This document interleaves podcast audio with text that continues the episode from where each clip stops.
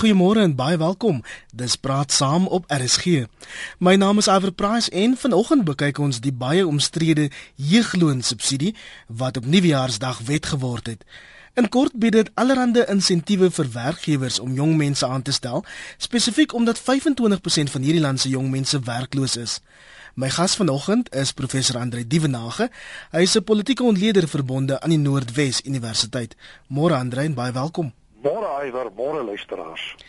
Andrei, kom ons begin. Miskien kan die jeugloon subsidie hoop bied vir daai matrieks. Ek dink daar's 'n 20 200 000 van hulle wat maandag hulle uitslaag gaan kry. Want ons weet die meeste van die jong mense in hierdie land het eintlik nie die luukse van verdere onderrig nie. Hulle moet werk. Wel Iwer inderdaad so. As ons kyk na uh, die situasie in die land en jy het van die syfers aangeraak, ons praat van 'n werkloosheidskoers van 25,2% of dan 'n totaal van 4,6 miljoen mense. Daarvan is 71% van die werklooses tussen 15 en 34 wat natuurlik vir jou sê die gewig lê by die jeug en dit verklaar vir jou ook waarom die politieke lyne rondom die ekonomiese vryheidsvegters so sterk fokus op die jeug want hier's 'n groot gewig van werklose mense dit is mense wat mobiliseerbaar is polities maar as ons dit alles vir mekaar sê dan sê ons die regering moet probeer om die werkloosheid te verminder en as ons kyk wie kwalifiseer vir hierdie wet wat hulle noem en ek sê hom in Engels Employment Tax Incentive Act.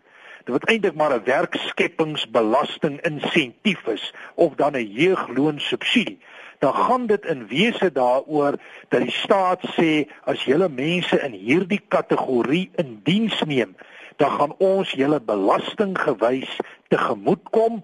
Daar is aanvanklik 'n bedrag begroot van 5 miljard hiervoor, maar gegee die kritiek van Kossato en uit ander oorde is dit afgebring na 1,3 biljoen rand wat hiervoor in die vooruitsig gestel word. As ons net vinnig kyk wie kwalifiseer, dit is persone tussen 18 en 29 jaar. Hulle moet uiteraard meer kry as die minimumloon van R6000. Hulle mag geen bestaande werksverhouding hê met die betrokke werkgewer nie en dit is verkiesbaarlik dat hulle in sekere spesiale ekonomiese sones aangewend word. Nou hierdie wet soos jy genoem het tree in werking 1 Januarie 2014 en wat mens ook kan sê is dat oppositiepartye in die parlement sonder uitsondering hulle ondersteuning vir hierdie wet gegee het. Wie wel teen hierdie wet is en ook baie sterk teen hierdie wet is, is Kossatu en dan ook meer spesifiek die Nomsa groep. Nou Nomsa het baie duidelik gemaak dat hulle baie sterk gekant is teen hierdie wetgewing. Die kritiek vanuit die Kossatu en dan ook Nomsa lyn spesifiek is dat daar gevrees word dat dit kan lei tot diskriminasie teen jou ouer en meer gevestigde werkers. Daar was ook kritiek teen die proses wat gevolg is omdat hierdie saak nooit bespreek is by Netlek nie. Netlek is waar georganiseerde arbeid, besigheid en die regering dan bymekaar kom. Persoonlik as ek kyk na die jeugloonsubsidie, dan dink ek dit is 'n goeie inisiatief. Ek weet dit is polities kontroversieel.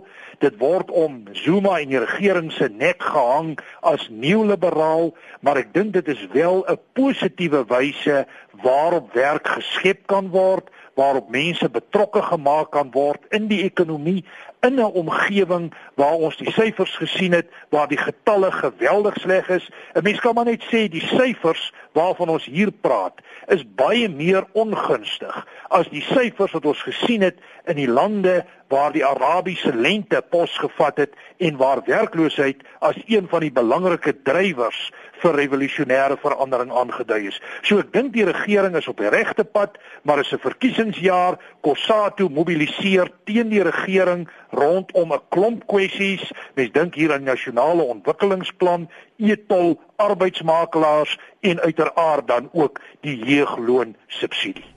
Andrex sien die amptelike Afrikaans vir hierdie jeugloon subsidie die naam van die wet.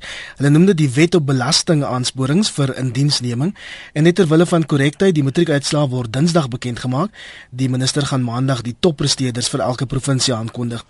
Daar's baie jong mense wat vandag luister, maar ander vir daai jong mense wat luister of dalk hulle ouers wat luister en bietjie onseker is, nie so lekker verstaan hoe hierdie hierdie jeugloon subsidie nou vir hulle hoop bied nie. Hoe sou jy dit vir hulle verduidelik? Ja, ek wil begin deur te sê dat as jy binne hierdie kategorie val wat ons nou pas geïdentifiseer het, die ouderdom 18 tot 29 en dit sluit na alle waarskynlikheid omtrent die meeste huidige mense wat matriek afgehandel het in dan beteken dit as jy in diens geneem word deur 'n werkgewer dan is daar 'n belastingkorting en 'n belastingverligting wat dit vir die werkgewer aantreklik maak om jou in diens te neem. Dit is die basiese strategie wat hier uh, in plek is. Die begroting is ook dienooreenkomstig ingerig om hiervoor ruimte te bied. So in die algemeen dink ek dit bied meer geleenthede vir die jeug om werk te kan kry. Maar uiteraard moet ons ook nou na die ander kant van die saak kyk. Uh, iemand wat net 'n matriekkwalifikasie het is nog nie werklik noodwendig reg vir die mark en vir die ekonomiese sektor nie. In die meeste gevalle vereis jy verdere opleiding, vereis jy dat mense daarom gespesialiseerd is en veral in die omgewings waar daar skaars vaardighede is. So die feit dat hier so 'n wet is, maak dit makliker, maar dit sê nie noodwendig dat jy gaan werk kry nie. Ek dink die onus rus steeds op elke individu om vir hom 'n vaardigheid, 'n nisgebied te identifiseer en dit te ontwikkel sodat so 'n persoon in aanvraag is in die groter ekonomiese mark en omgewing. So hoewel dit makliker is, is dit nog nie 'n uitgemaakte saak dat dit noodwendig outomatiese werk vir hierdie kategorie gaan beteken nie. Die SMS begin reeds instroom. Hier's duidelik baie mense wat bekommerd is oor werkloosheid in hierdie land en dan bietjie hoopvol is oor die jeugloon subsidie en ander is nie. So Samuel wat vir my sê die jeugloon subsidie is 'n stilgebore baba. Die birokrasie wat die stelsel kniehalter maak dat die kool die sous nie werd is nie. Kom ons neem 'n oproep, praat saam. Goeiemôre. Goeiemôre. Goeiemôre, is deur. As ek die, met wie praat ek nou? Dis Iwer in Suid-Afrika, kan jy hoor? O, is dit Iwer? Iwer luister nie omdat hy um, uh, ek is Frie van Rensburg en ek praat van Bloemfontein. Ons wil net weet hierdie jeugloon storie. Wat nou van die van die mense wat nou al werk jare en jare? Gaan dit nie hulle werk in in in gevaar stel nie? Want gaan die maatskappye nie graag liewerste wil daai belasting terugkry? En inpomp en ander goederes as wat hulle dan hulle ou werkers aanhou nie. Daar dit is ons die grootste bekommernis vir ons mense wat al jare werk. Baie dankie vir jou vraag en 'n interessante vraag Andrei want dis presies wat Kosato ook redeneer. Hulle sê werkgewers gaan nou die ouer mense begin aflê, die jonges aanstel omdat hulle dan ekstra voordele van die regering kry.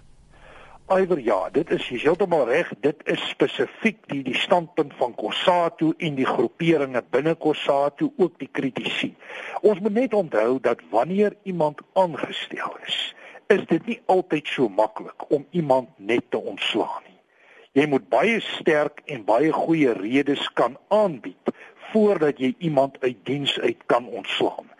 Ek het 'n vermoede dat daar 'n kleiner beperkte risiko in die verband is, maar ek moet sê ek deel nie die algemene kommer dat dit sonder meer gaan lei tot die ontslag van ouer werkers nie. Ek dink daarvoor is die arbeidswetgewing in die land baie sterk. Die arbeidswetgewing beskerm jou in daai sin kan 'n werkgewer nie net sonder meer van 'n werknemer ontslaa raak nie. Ek dink dus die kommer is 'n bietjie ongegrond in die sin dat jy binne die arbeidswet tog die nodige beskerming geniet. Wat wel so gaan wees is dat dit vir ouer mense wat werk soek en wat op hierdie stadium werkloos is, waarskynlik 'n ekstra hindernis in die weg gaan plaas. Maar my kernargument is maar die argument wat ek vroeër gestel het, as jy vir jouself bepaalde vaardighede, 'n sogenaamde skill set ontwikkel wat 'n aanvraag is hier buite, dan is dit inderdaad so dat die arbeidsmark jou eintlik nie kan ignoreer nie. En ek dink 'n mens moet eintlik vir jouself sê jy moet verantwoordelikheid neem vir jouself in die werkomgewing. Hier is op sekere vlakke waar skaars vaardighede so geweldig hoog is dat as jy oor daai vaardighede beskik, jy noodwendig gaan werk kry ongeag jou ouderdom. Baie keer gebeur dit dat hulle selfs mense na 65 aanhou as gevolg van 'n sekere stel vaardighede. Ek dink hier is bepaalde bedreigings. Dit maak die omgewing meer kompeterend, maar ons moet ook onthou die regering moet iets doen aan die werkloosheid onder die jeug. Dit word 'n toenemende probleem en iewester moet daar 'n strategie kom en ek stem saam met diegene wat redeneer dat daar meer voordele as nadele is in hierdie inisiatief en dat dit éventueel vir die land iets kan beteken. Ek verwag nie dat dit op die kort termyn die arbeidsomgewing baie gaan destabiliseer nie. Kom ons gaan lyne toe praat saam. Goeiemôre. Ivan. Hi, ek kan jou hoor, is jou radio afgeskakel? Ja, nee, hy is weg. Hoorie, Ivan, ek stel glad ek, ek stem glad nie saam met daai persoon wat saam met jou praat nie. Uit ondervinding het het ek my werk verloor by Eskom as bestuurder. OK, ek was 25. Hulle demote jou. Hulle demote jou. Mm. Met die gevolg met die gevolg is jy moet 'n laer werk doen as wat jy as wat jy het. En dan forceer hulle jou om te bedank. Ek hoor wat jy sê. Baie dankie. Met gevolg met die gevolg is die die die die ou mense word stelselmatig uitgeforseer. Hulle maak dit vir jou so warm dat jy dit moet uitgepat uit die uit die maatskappy. Baie dankie vir die oproep. Ek gaan dit daar moet sny want die lyn is bietjie swak. Praat saam. Goeiemôre. Goeiemôre. Goeiemôre. Ek kan jou hoor. Ek wil nou net uitvind as ek nou van my mense laat gaan en ek stel nou nuus aan. Hulle het nou geen skiep gevoed nie. Uh na 3 maande dan sien ek maar die man kan nie die ding bybring nie. Bybring nie uh hoe lank moet ek kom aanhou voor ek daai geld gaan kry, daai korting gaan kry? Baie dankie. Kom ons kyk of Andre 'n antwoord het. Andre, as ek hierdie storie reg verstaan, is die jeugloonsubsidie is 'n aanvulling ehm um, tot die huidige werkgewers. Met ander woorde, niemand sê lê al die mense wat al jare lank vir jou werk af nie. Hulle sê stel bykomende mense aan wat 'n uh, spesifieke ouderdom moet hê en dan kry jy een of ander voordeel van die staat. Alhoewel dit is inderdaad so en uh, om die laaste uh, kommentator uh, se se punt net verder te neem soos ek die wetgewing gelees het en dit verstaan word jy van maand tot maand as dit ware word daar berekeninge gedoen en sal die staat jou vergoed vir as daardie persoon in daardie betrokke kategorie val maar jy is inderdaad reg dit is die situasie dat uh, mense addisioneel aangestel word en dat dit nie die bestaande werksmag noodwendig direk sal affekteer nie. Nou uiteraard is dit so dat enige maatskappy veral in moeilike omstandighede probeer oorleef. Dit is so dat die werknemers, die mense kapitaal komponent is die grootste enkele uitgawe van enige maatskappy. En dit kan seker wees dat daar maatskappye gaan probeer om voordeel te trek en te kapitaliseer uit hierdie situasie. Maar die basiese strategie is om dit makliker en goedkoper te maak om jong mense aan te stel en vir hulle werksgeleenthede te verseker. Mens moet uiteraard onthou dat rondom elke individu en die posisie van 'n individu in 'n maatskappy geld daar 'n stel spesifieke omstandighede. So dit is moeilik om op 'n individuele situasie in te gaan wat sê ek was 'n bestuurder, toe is ek nou afwaarts uh, gedemote om die term te gebruik en nou word ek éventueel uit die maatskappy uitgewerk. Ek dink nie dit is noodwendig 'n algemene tendens nie. So jy moet versigtig wees om te veralgemeen en meer te fokus op die spesifieke konteks. Maar die beleid en die beleidse strategie is om meer mense in diens te neem en nie direk 'n bedreiging vir die bestaande werkersmag te beteken nie. As jy dalk laat by ons ingeskakel het, jy luister na Praat Saam op RSG. Dis 'n forum vir demokrasie en aksie saam met my Iver Price. My gas vanoggend is een van die land se heel beste politieke ontleeders. Dis professor Andre Dievenage van die Noordwes Universiteit. Soveel SMS'e, iemand wat sê hierdie nuwe wet kan dalk juis lei tot 'n produktiwiteitsinspuiting vir die ouer werknemers omdat hulle nou sal moet uithaal en wys om hulle werk te behou. Aan sê vir my gaan skof hulle tuin, was 'n kar, doen enigiets tot iets beter kom, maar nee, jy gaan liewer oor see hande arbeid, hande arbeid doen. Hulle wil niks nederig doen en nou skep ons dalk 'n welsynstaat. Praat saam, goeiemôre. Goeiemôre, is jou radio af? Iwer praat. Dis reg, jy's op die lig. Iwer is uh jy het praat van 'n probleem, man, daar's net 'n probleem. Dit ons wat hier op die plase bly is afhanklik van die ou mense wat jy het om opgelei en jy het om geleer om hierdie ding te doen. En uh jou ou mense is die mense wat nie noodwendig staat nie. Die jonges is die wat die ou mense van die werk af weghou en hulle wil net staat. Hulle is die mense wat jou goed deurtrek. Want die ou mense het geleer om mooi met jou goed te werk en die jong mense, hy doen vir dit jou goed. Hy klim op 'n trekker en hy ry wat hy wil, hy ry lorry soos wat hy wil. En praat jy mooi met hom na raak hy op stroppelis met jou en dan sê hy ja maar jy weet dan kom maar verskriklike lelike goed uit en aan die einde van die dag dan kom jy in die hof as jy die skuldige ene want jy het hom nou sleg behandel. Nou hoe gaan hy ou nou te werk die mense wat op die plase bly? Baie dankie. Dankie vir jou vraag. Praat saam goeiemôre. Uh, goeiemôre Iver. Hallo daar. Ja, uh, as wat praat. Hoor jy man nee, ek wil jou sê ek dink hierdie is 'n baie baie goeie stelsel wat hulle instel, maar ek dink net hulle moet die kindertoelaag moet hulle wegvat en liewer daai geld aanwend vir hierdie want nou uh, skep ons 'n uh, ons, ons skep 'n uh, staat van 'n welsynsstaat. Ons is 'n welsynsstaat en dan ons ons moedig aan uh om om om meer kinders te hê en dan gee ons daarvoor gee ons geld. Ons kan liewer die geld vat en uh, lei mense op. Dit is maar al wat ek wil sê. Dankie vir jou bydrae. Andre, daar's soveel mense wat bekommerd is dat ons besig is om 'n welsynsstaat te skep. Jou reaksie daarop? Aiwer ja, as ons vinnig na die syfers kan kyk, omtrent 16 miljoen uit 'n bevolking van meer as 50 miljoen ontvang sosiale toelaag terwyl ons weet dat rondom 6 miljoen mense in die land betaal persoonlike belasting. En dit is baie duidelik as jy kyk na die staat se sosiale toelaag beleid en hulle benadering dat daai getalle eerder kan toeneem as kan afneem.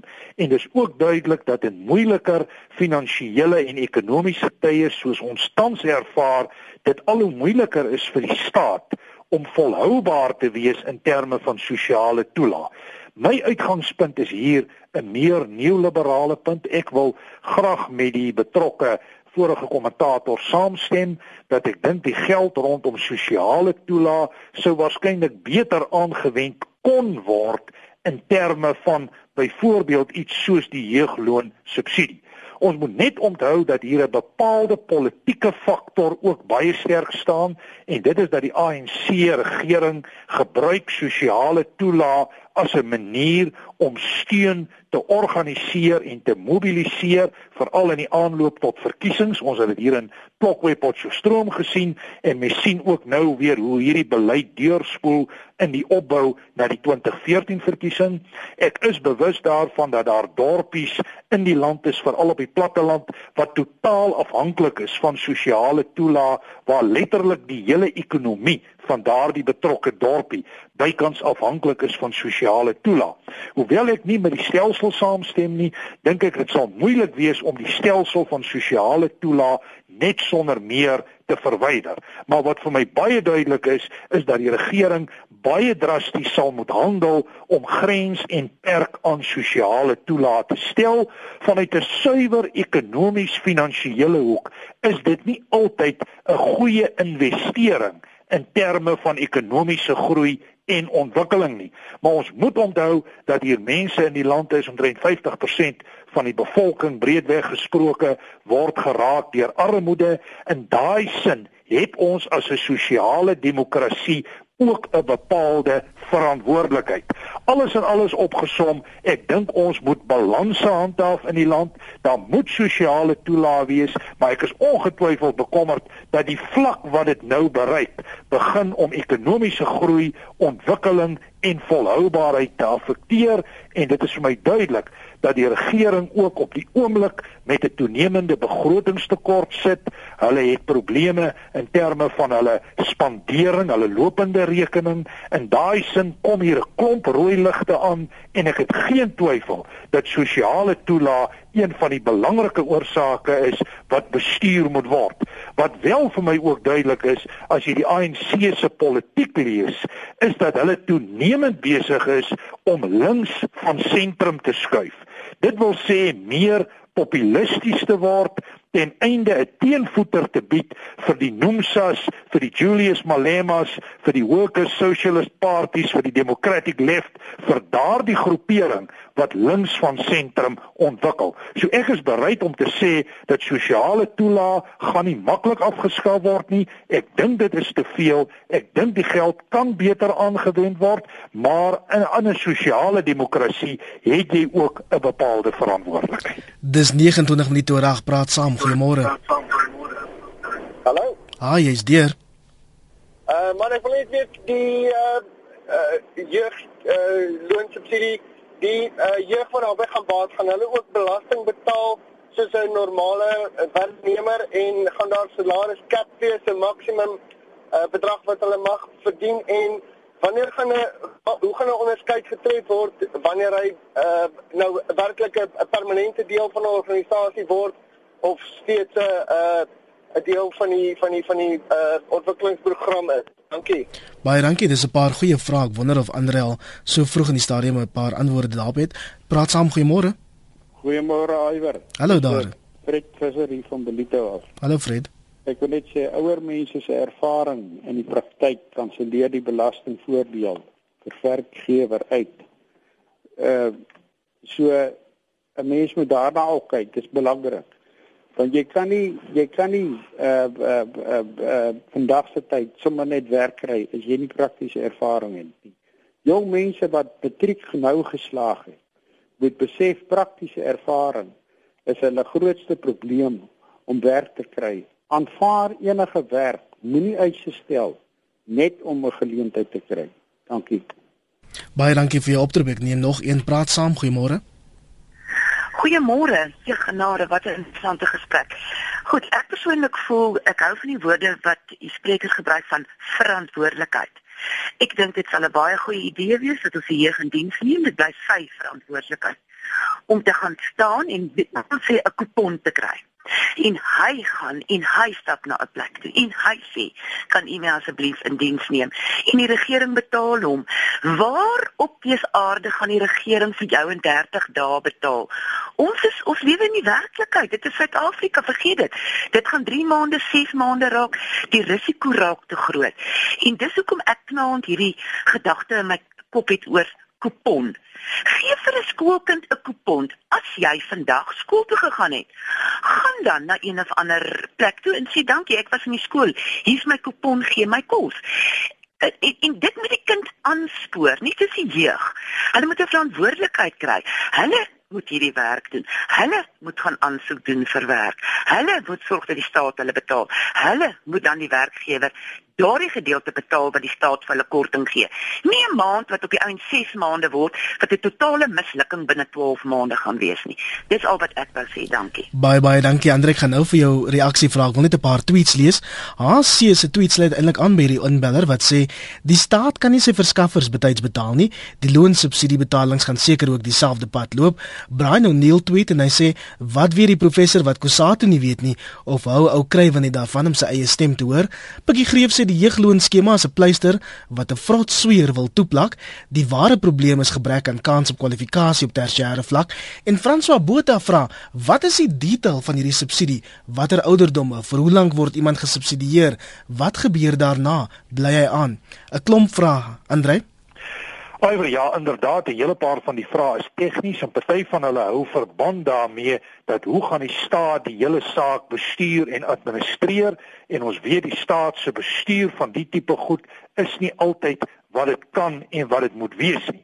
Maar as ek vinnig kan aanhaal uit die wet uit en ek lees dit so vinnig deur, 'n werkgewer kan die bedrag van die belastingaansporing vir indiensneming waarvoor die werkgewer in gevolge die wet kwalifiseer van die bedrag van die werknemersbelasting aftrek wat daardie werkgewer in gevolge subparagraaf 1 aan die kommissaris moet betaal tensy artikel 8 van daardie wet van toepassing is.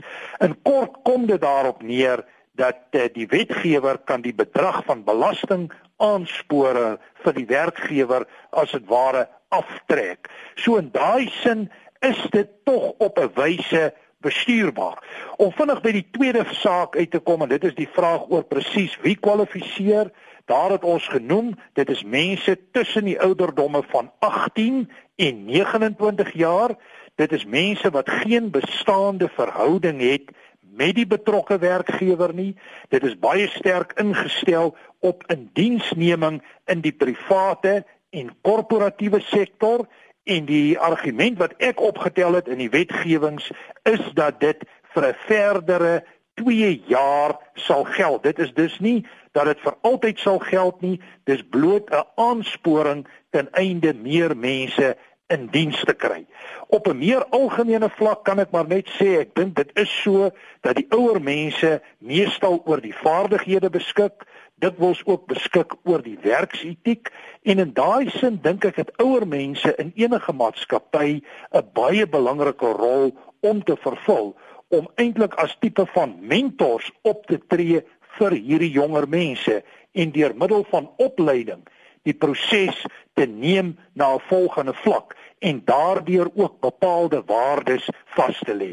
Ek moet sê vir my is een van die groot uitdagings binne die Suid-Afrikaanse ekonomie en arbeidsomgewing 'n gebrek aan sterk en gesonde waardes wat mens kan lei tot hoër produktiwiteit, wat mens kan lei tot innovasie en so meer. Ek dink dit is grootliks afwesig en dit moet nog gevestig word en jou ouer, meer gevestigde arbeidskorps het daar 'n besonder belangrike werk om te volvoer.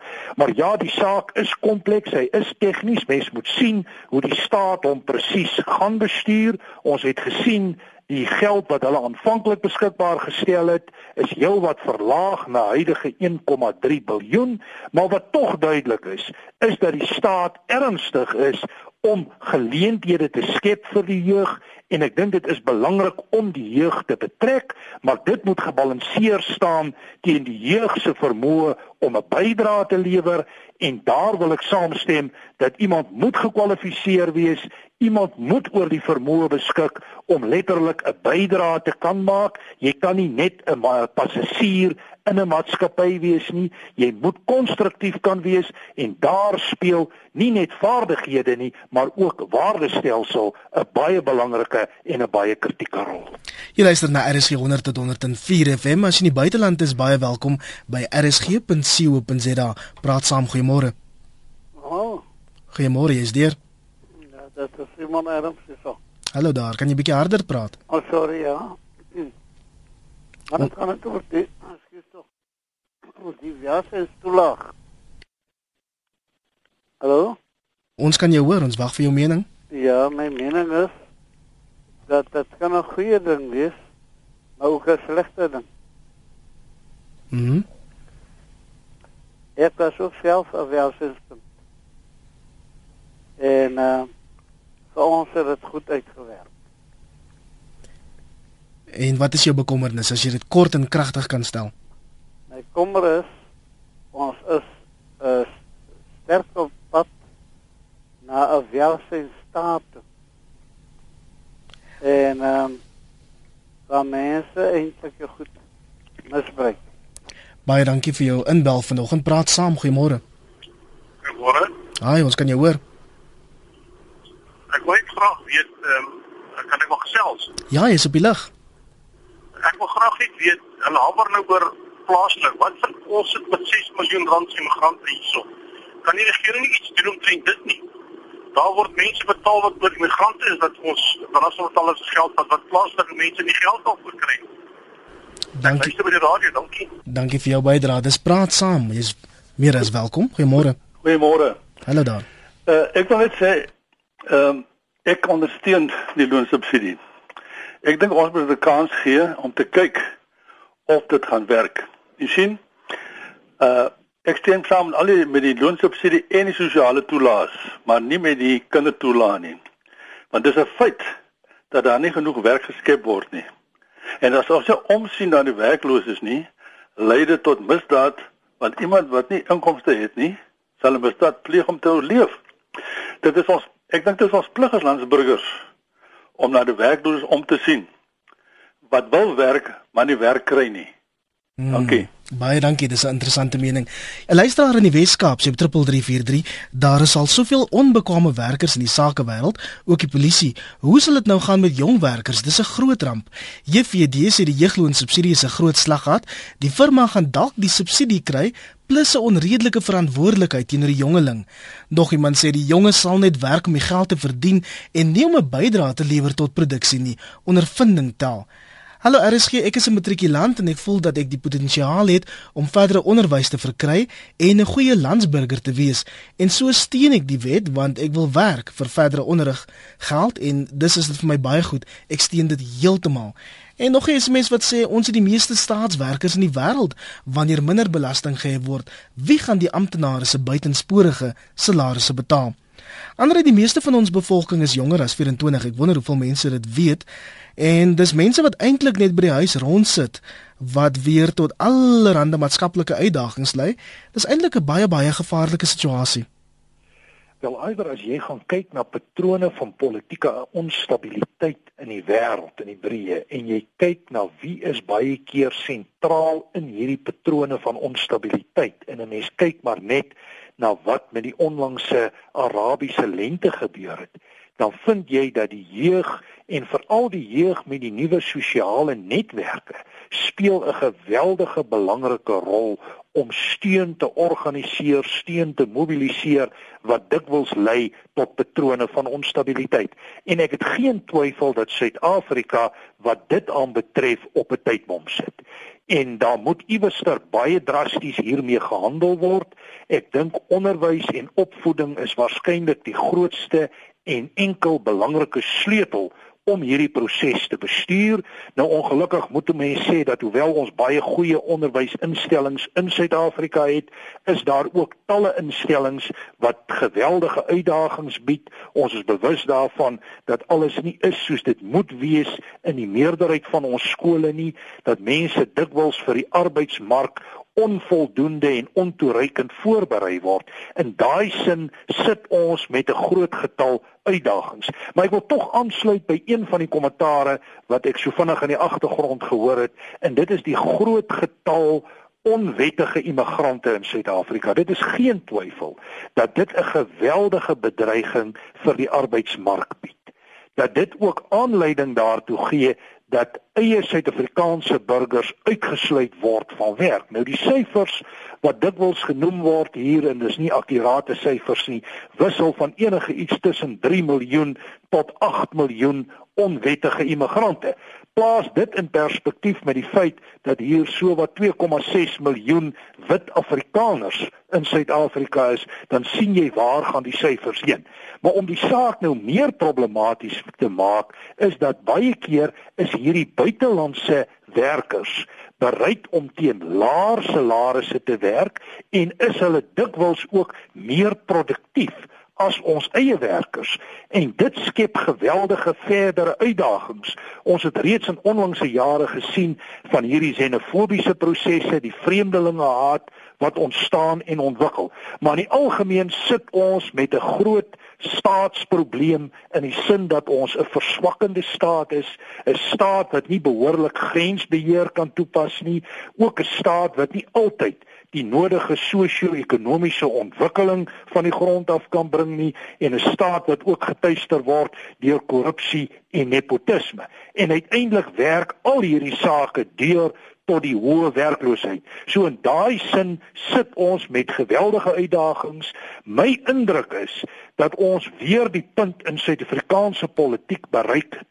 waar hier oor 'n groot klomp sake gesprek gevoer moet word waar die staat en 'n klomp rolspelers vanuit arbeid en vanuit die ekonomie bymekaar moet kom en strategieë moet beplan vir vorentoe want die tydbom waarop ons sit is definitief besig om te tik. Dit lyk of die probleem eerder groter word as wat dit kleiner word. Ons ekonomie is nie in 'n baie sterk groei siklus op die oomblik nie. Trouwens, die ekonomie word deur talle uitdagings getuister.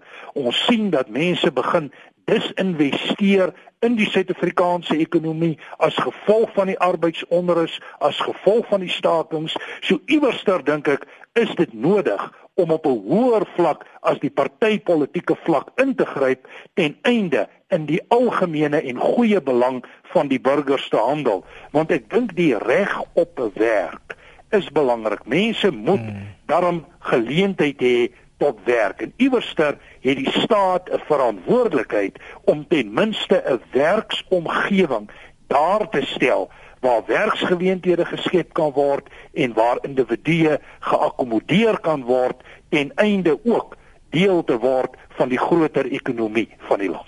Andre ek sien die rooi liggies flikker 0891104553 maar voor ek lyne toe gaan. Denise van Pretoria en soveel ander luisteraars vra, gaan ras 'n rol speel in hierdie jeugloonsubsidie? Met ander woorde, is dit net vir regstellende indiensneming? Jy het die wet gelees, het jy 'n kort en kragtige antwoord daarop? Wel die wet sê baie duidelik hy is nie ras spesifiek nie. Jy kan enige persoon, 'n Suid-Afrikaanse burger binne daardie kategorie kan jy akkommodeer, maar ons weet die groot beleid in die land alles gaan maar op 'n manier oor regstelling ook by die werkplek. My vermoede is dat hoewel elke een kan kwalifiseer, gaan daar iewerster 'n equity tipe teiken wees wat bereik moet word. Ek dink nie dit stel maatskappye enigsins los van die bereiking van die groter transformasie teikens nie. Hoewel nie ras spesifiek nie, glo ek het hy wel bepaalde ras implikasies in terme van die personeelprofiel van enige maatskappy of organisasie. Praat saam, goeiemôre. Goeiemôre. Goeiemôre, kan jy hoor? Kan jy bietjie harder praat? Ja, ja, ek het effe gebel. En uh jy weet dit gaan oor die oor die toelaag goed. Ja, en en hoe kan ons jou help vanoggend? Ek ek sê ek kan nie help in terme van ek was self in so 'n situasie. Jy is die welsyn kind wat vroeër ingebel het, né? Nee? Dis reg. Het u 'n kort en kragtige uh, bykomende mening?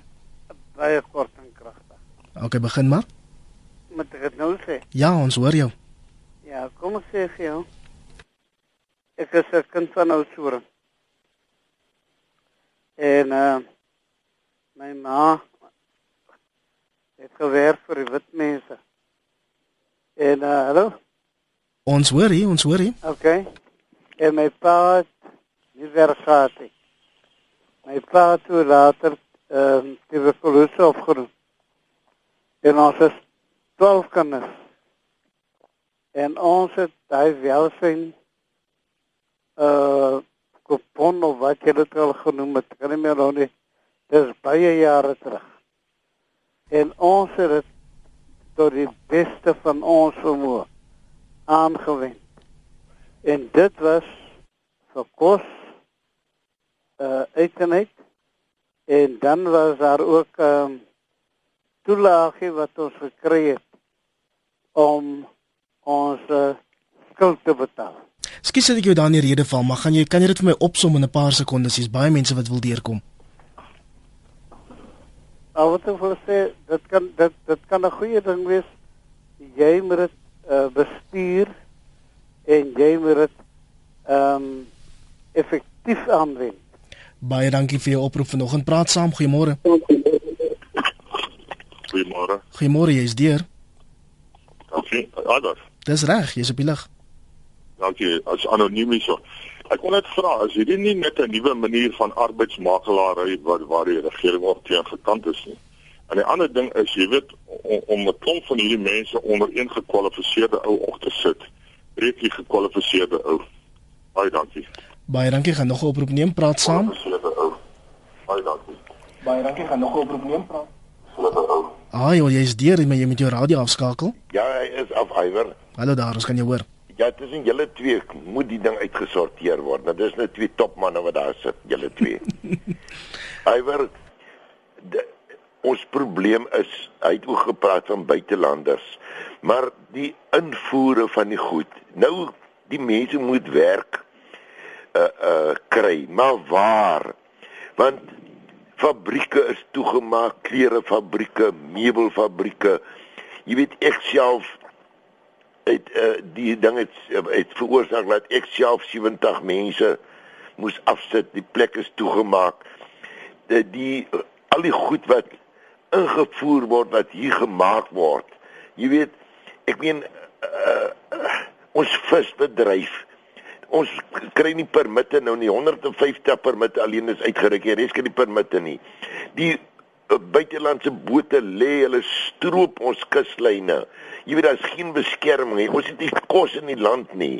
Jy weet in in alles word ingevoer. Potjies konfyt wat ons hier kan maak Dis my goed dat as hier kan maak klere. Hy oorseese mense Chinese goed dat hier inkom. Wat koop hulle van ons land wat hier gemaak is? Hulle hoe, bring hulle eie goed in. Skus dat ek in die rede val. Hoe skakel ons dit met die jeugloonsubsidie? Nee, ons skakel dit uit want kyk, hulle moet werk kry, maar die ander mense vat die werk weg. Mm, ek hoor wat jy sê. Ek gaan nie daai as jy werk vir my al het jy 'n kwalifikasie vir 'n welder. Kyk hoe lyk die bedryf. Al uit die welding bedryf is nou goed met met met al die geweld wat aan die gang is met hekke en goed wat moet gemaak word en so en dit is 'n goeie bedryf nou. Maar jou ander vervaardiging bedrywe het omtrent tot stilstand gekom. Veral die kosbedryf, jou klerebedryf, jou meubelbedryf, want want die goed word ten, ten duurste ingevoer, ook nie ten duurste nie want ons kan dit eintlik maak vir daai pryse nie. Dankie vir die oproep. Ek gaan nie daar moet sny. Andrei, ehm um, uiteenlopende reaksies. Baie mense wat nogal skepties is.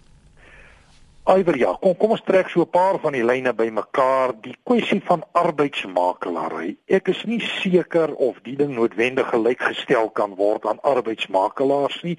Wat wel so kan wees is dat arbeidsmakelaars hier in 'n geleentheid kan sien om jeug te herlei tot werksgeleenthede wat nie noodwendig vir my dan 'n slegte bedryf is nie tot die mate dat mense dan werk kry.